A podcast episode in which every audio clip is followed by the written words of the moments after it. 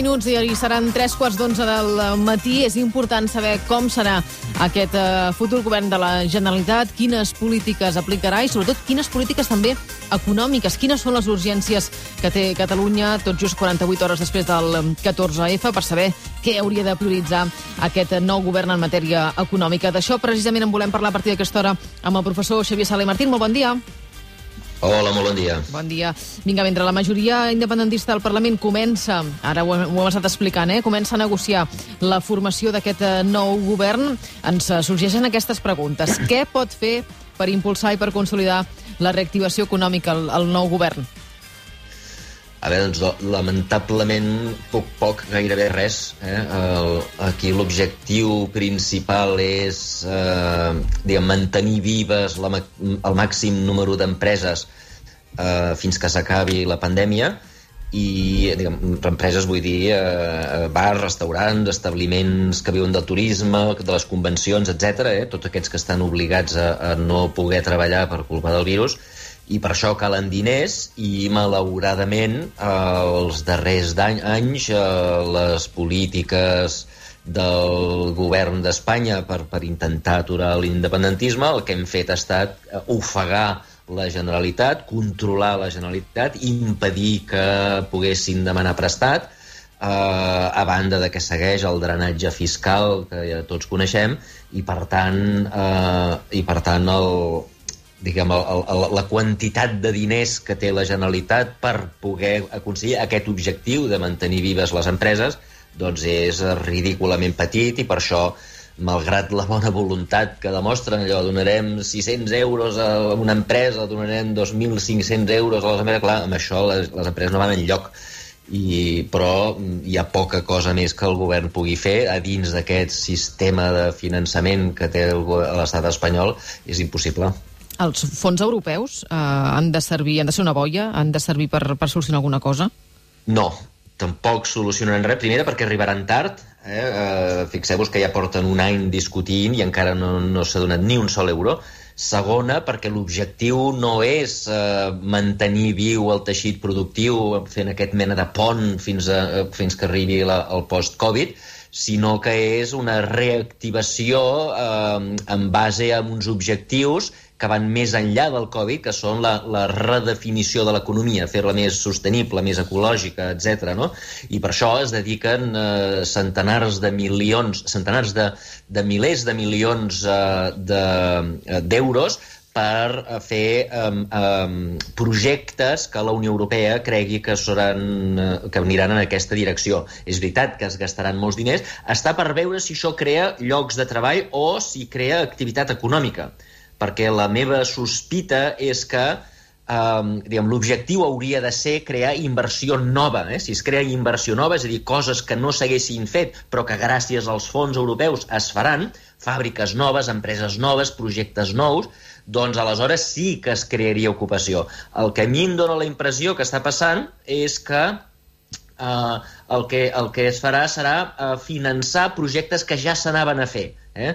Uh, amb la qual cosa no es crearà ni un sol lloc de treball. Per exemple, uh, Zara o, o Inditex ha proposat en aquesta, en aquesta llarga llista de, de grans empreses que proposen fer coses i, i que proposen que siguin finançades per la Unió Europea, proposa un nou centre logístic a Artecho, eh? Mm. Uh, un, un nou centre logístic per Zara. Uh, això ja ho anaven a fer.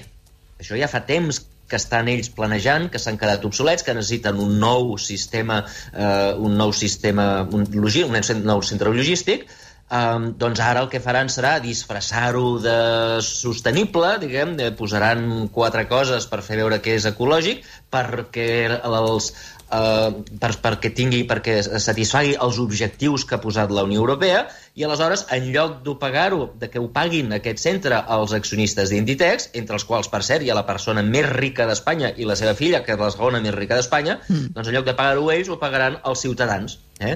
Uh, el, el, el conjunt de tota l'operació, per, perquè recordeu que, quan dic els ciutadans, recordeu que els fons d'Europa no són manar del cel, eh?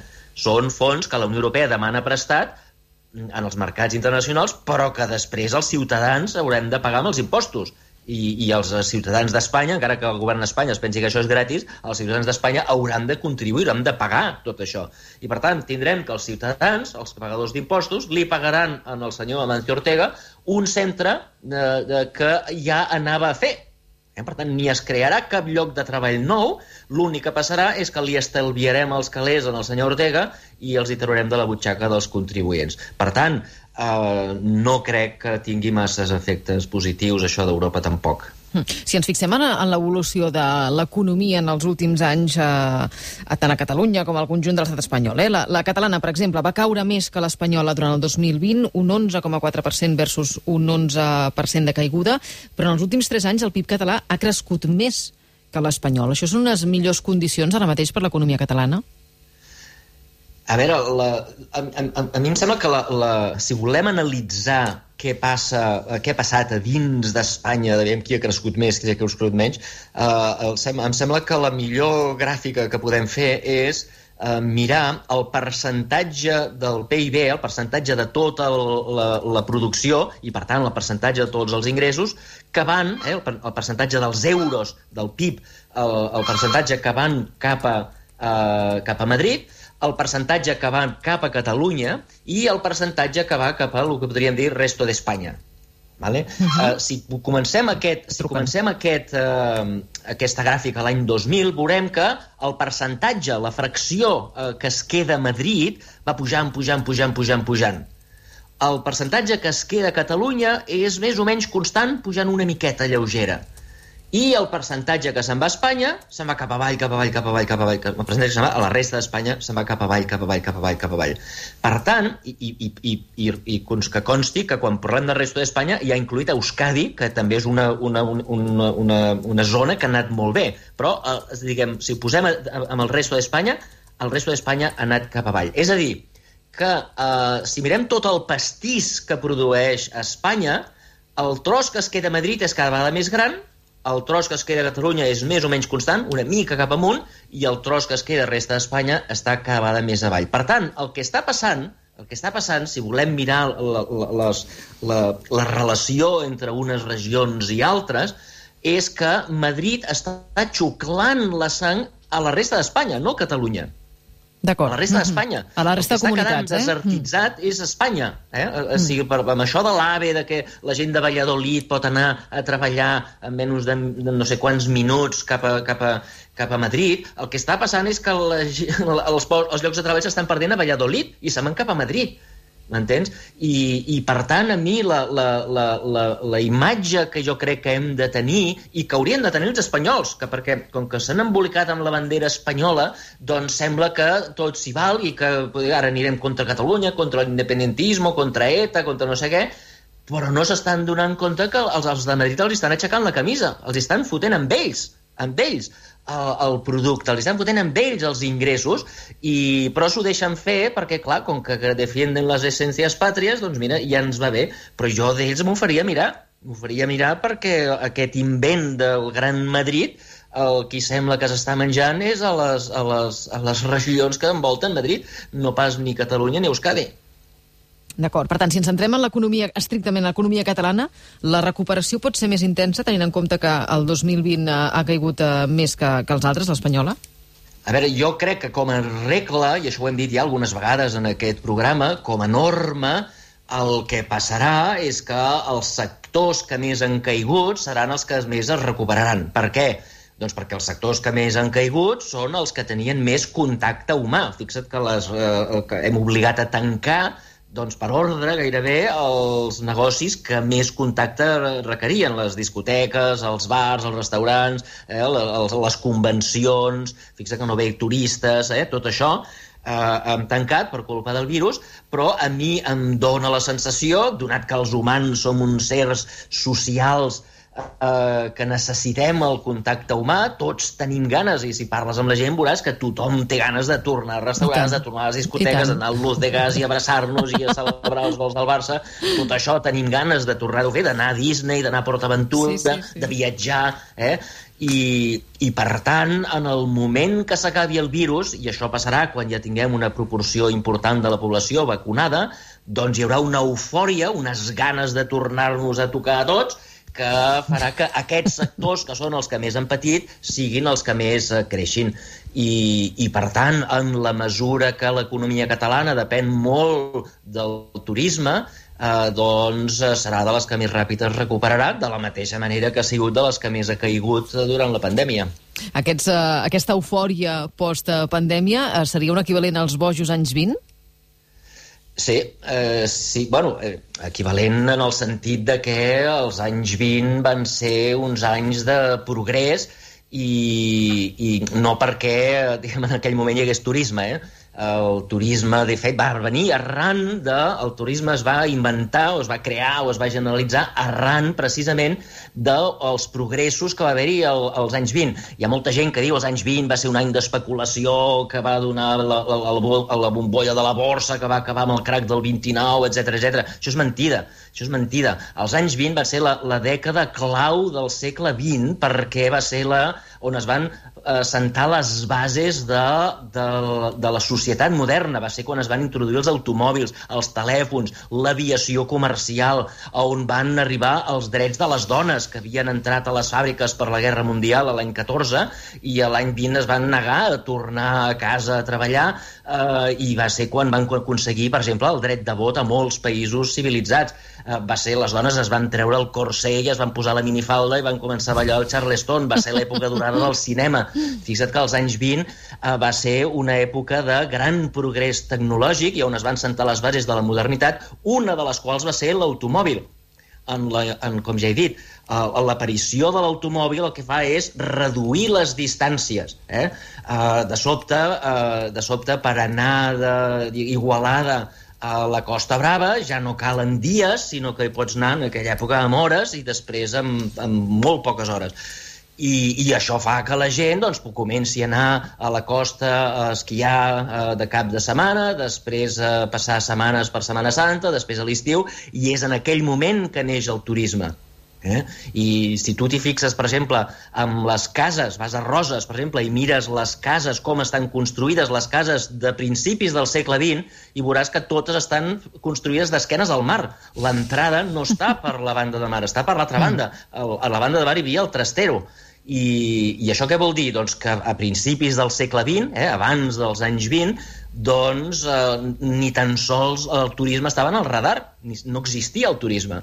Quan construïen les cases no pensaven que allò, el que voldria la gent és estar sentat al porxo mirant el mar. doncs, i això era, era a principis del segle XX. Uh, si haguessin fet aquelles cases ara, doncs totes tindrien unes vistes al mar perquè perquè la, el principal actiu d'aquella casa seria el, el turisme.